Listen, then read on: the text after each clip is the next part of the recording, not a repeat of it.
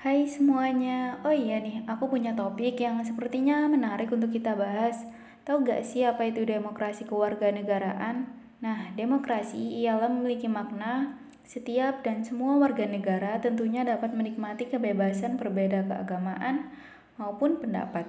Contoh penerapannya di lingkungan masyarakat sekitar, seperti bersama-sama menjaga keamanan dan lingkungan masyarakat sekitar, ikut serta dalam pemilihan pemanfaatan organisasi masyarakat, saling tegang rasa dan menghormati antar sesama warga negara yang berbeda suku, ras, maupun agama.